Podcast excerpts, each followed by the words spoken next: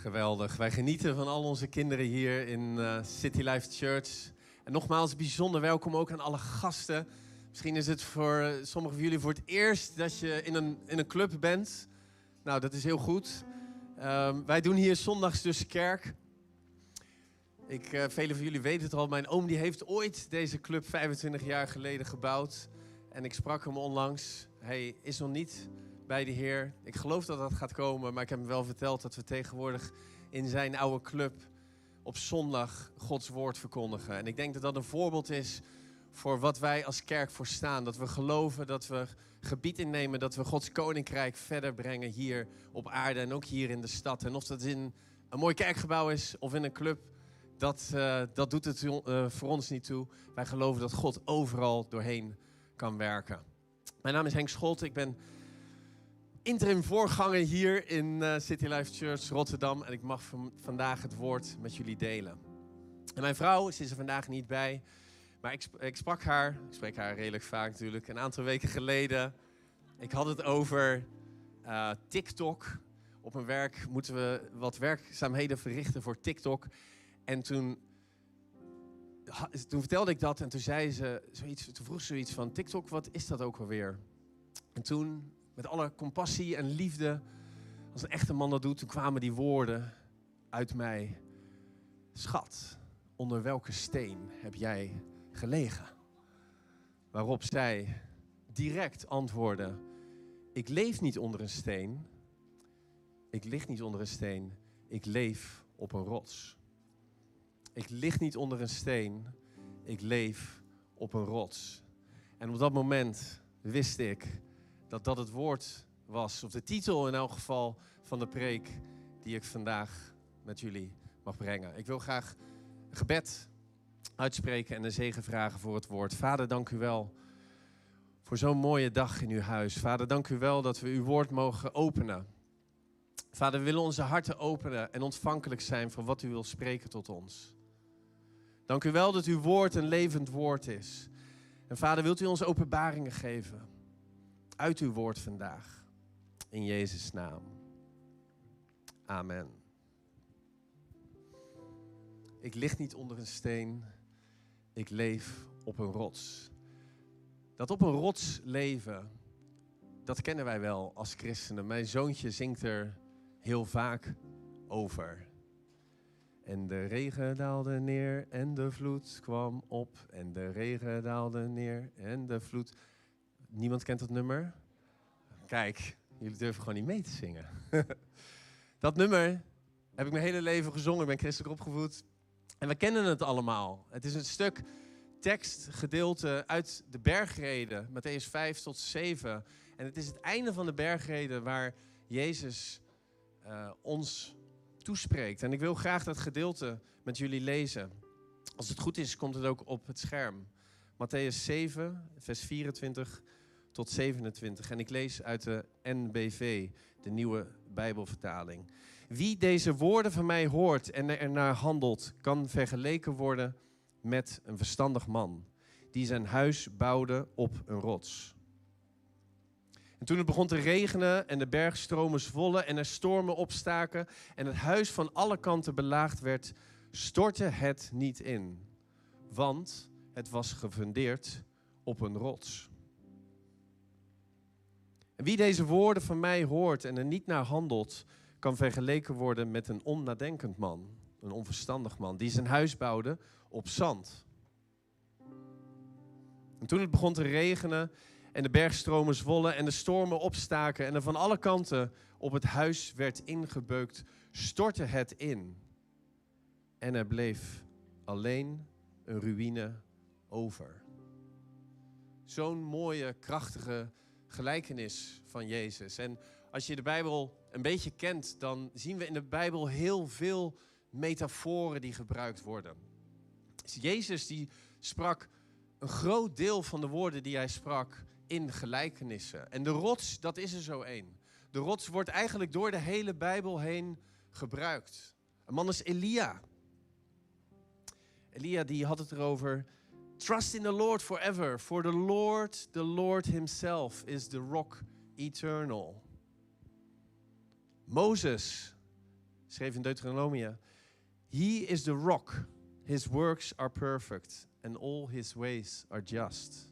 En ook David in vele psalmen sprak hij over de rots. Lord, my rock and my redeemer. Heer, mijn rots en mijn redder. En ik vind het zo mooi dat het woord, hè, de, de betekenis van de rots door de Bijbel heen gebruikt wordt. Zelfs door Jezus aan het einde van de bergreden. Maar ik denk dat we moeten oppassen dat we niet in de metafoor blijven hangen. Dat we niet alleen maar zeggen, ja, we moeten ons leven bouwen op Jezus de rots. Maar dat het belangrijk is dat we een niveau dieper gaan. En als we dit Bijbelgedeelte lezen, en in de bergreden, de bergreden is een gedeelte wat ik het afgelopen jaar, ik denk het meeste naartoe ben gegaan. Keer op keer heb ik de bergreden gelezen. En ik geloof dat de bergreden een handleiding is voor ons als christenen om te leven naar de wil van de Vader. Want Jezus zelf, die zei, ik kom niet om mijn eigen wil te doen. Ik kom om de wil van mijn Vader te doen. En hetzelfde verlangt Hij van ons. Dus het is heel belangrijk om te snappen wat Jezus in die bergreden zegt. En de openbaring die ik hier uitkreeg toen ik het las, staat in vers 24. Wie deze woorden van mij hoort en ernaar handelt, kan vergeleken worden met een verstandig man die zijn huis bouwde op een rots. Dus wie bouwt zijn huis op een rots?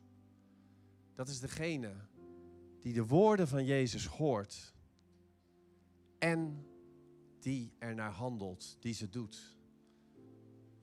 Degene die de woorden van Jezus hoort en degene die de woorden van Jezus doet. En dan denk ik dat het goed is om terug te gaan, om te kijken, ja, maar wat zegt Jezus nou in die bergreden? En ik zal kort een aantal dingen eruit lichten waarvan hij ons vraagt om, ze, om er naar te luisteren, maar om ze ook te doen. Matthäus 5. Laat je licht schijnen voor anderen. Onderhoud de geboden en leer ze aan anderen. Verzoen je met iemand waar je een probleem mee hebt. Pleeg geen overspel. Niet in je lichaam, niet fysiek, maar ook niet in je gedachten. Zweer niet. Keer je vijanden de andere wang toe als hij je slaat. Of als, keer je vijand de andere wang toe als hij je slaat. Geef aan wie van je vraagt. Heb je vijanden lief en bid voor degene die jou vervolgen. Heb je vijanden lief en bid voor degene die jou vervolgen. Wees dus volmaakt zoals jullie hemelse Vader volmaakt is. Je hoort wel eens van ja, wij zijn niet perfect. Dat klopt. Maar Jezus draagt ons hier wel op om volmaakt te zijn. Sta jij op in de ochtend en bid jij tot God, God help mij om volmaakt te zijn in u. Help mij God om mijn vijanden lief te hebben. Ik bid voor degene die mij vervolgen. Ik bid voor degene die dit land leiden. Ik bid voor de overheid, voor degene die beslissingen moeten maken. Dank u wel, Vader. We bidden zegen over ze. Is dit hoe wij s'morgens opstaan? Matthäus 6, verzamel je geen schatten op aarde, maar verzamel jezelf schatten in de hemel. Vader, dank u wel dat ik hier op aarde geen schatten mag verzamelen. Dat alles wat u mij geeft, dat het hier maar tijdelijk is. Vader, dank u wel dat mijn focus op u mag zijn. Leer mij om hemelse schatten te verzamelen.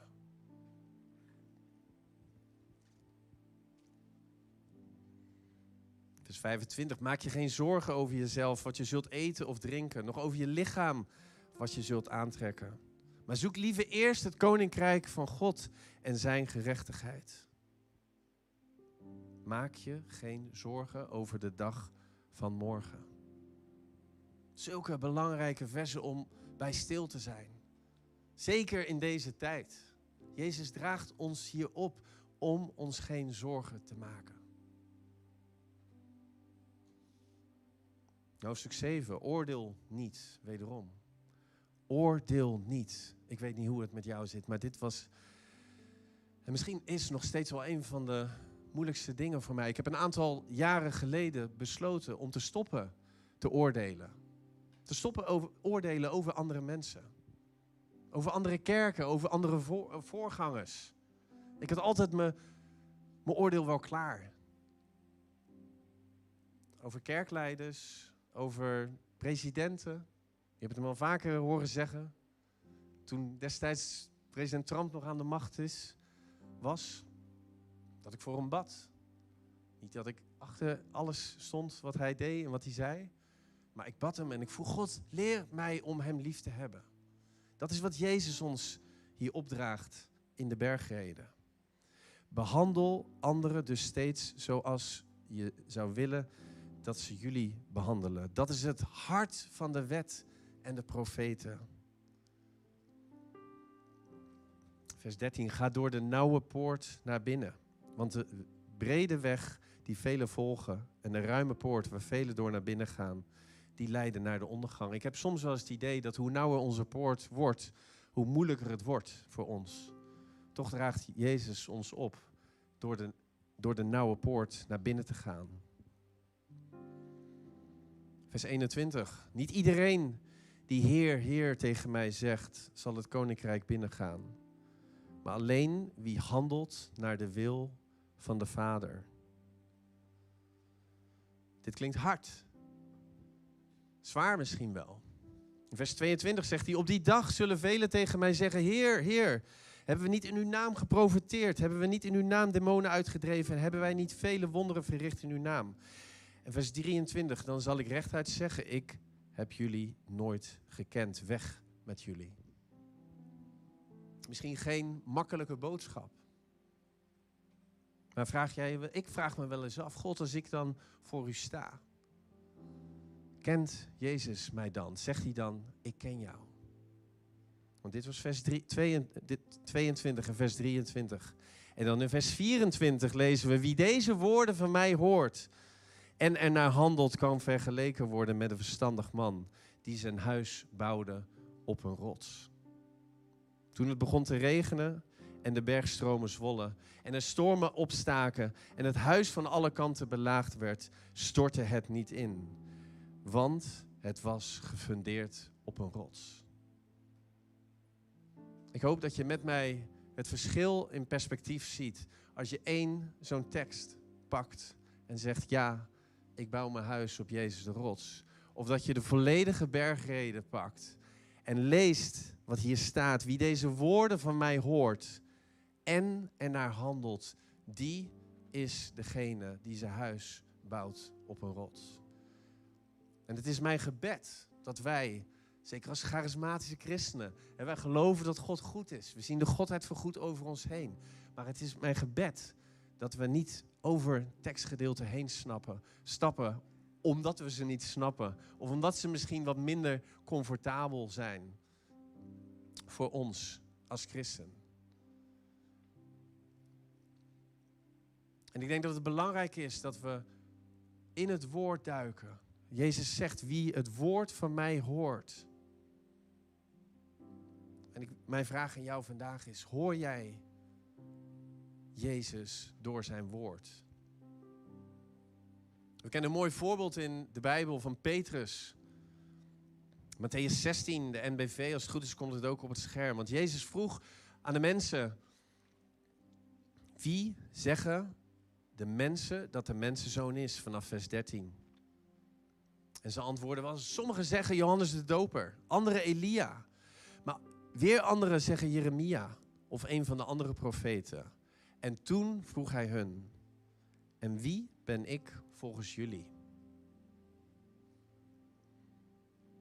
U bent de Messias, de zoon van de levende God, antwoordde Simon Petrus.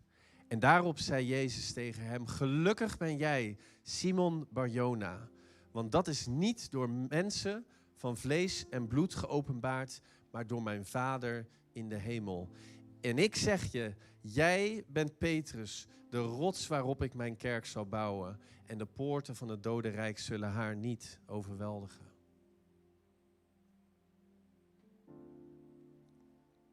Wat we hier zien is zo bijzonder. Jezus vroeg aan alle mensen om zich heen: wie, zeg, wie zeggen de mensen dat ik ben?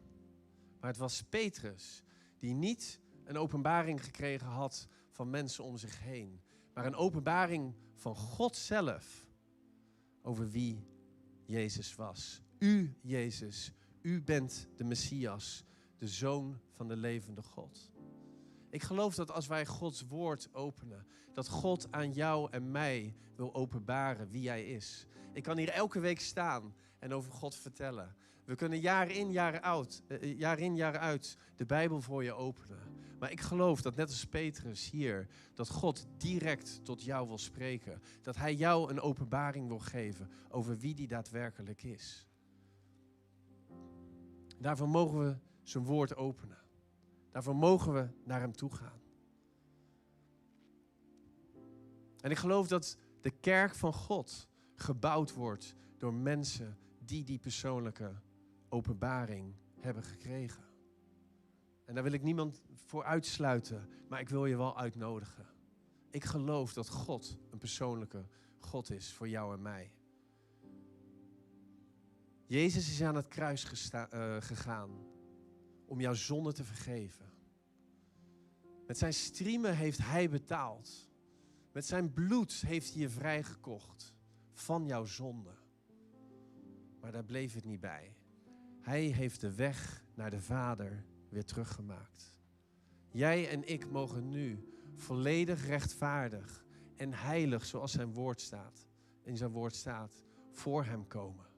Door het bloed van Jezus ben jij vrijgekocht en is de relatie van God de Vader en ons weer hersteld.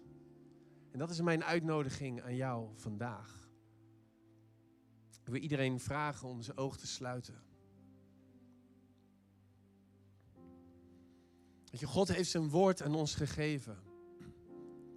Zodat we Hem beter leren kennen. En als we enkel zijn woord lezen, zonder een persoonlijke relatie met Hem aan te gaan, dan zou het zomaar kunnen dat we vervallen in religie. Maar Jezus die opent het woord aan ons. En die zegt, ik kwam niet om mijn eigen wil te doen, maar om wil van de Vader te doen. En ik doe alleen wat ik mijn vader zag doen. En die uitnodiging ligt er ook voor jou en mij. En ik kan me voorstellen dat je misschien nooit een bewuste keuze hebt gemaakt voor God. Of misschien wel dat je, als je naar je leven vandaag kijkt, dat je, ver, dat je het idee hebt dat je ver weg leeft van Hem. Nou, ik heb goed nieuws voor jou. Weet je, God is nooit weggelopen van jou. Hij is er altijd. Hij kent jou. En als je bij Hem komt en als je afkeert van je oude leven, dan is die belofte daar voor jou. Die belofte dat jouw zonden vergeven zijn. En dan ligt er een leven voor jou klaar. Een leven in relatie met God de Vader. Waarin je Hem mag kennen. Waar je jouw leven met Hem mag doen. Vader in de hemel, ik bid vandaag op dit moment voor een ieder van ons. Dank u wel, Vader, dat we naar u toe mogen gaan. Dat we u vast mogen pakken. Dank u wel dat u in uw woord zegt dat u de rots bent. Dat uw werken perfect zijn. Dat uw wegen juist zijn. Dank u wel dat we ons leven op u mogen bouwen. En Vader, help ons om in uw woord u te verstaan. Vader, help ons ook om uw woord te openen.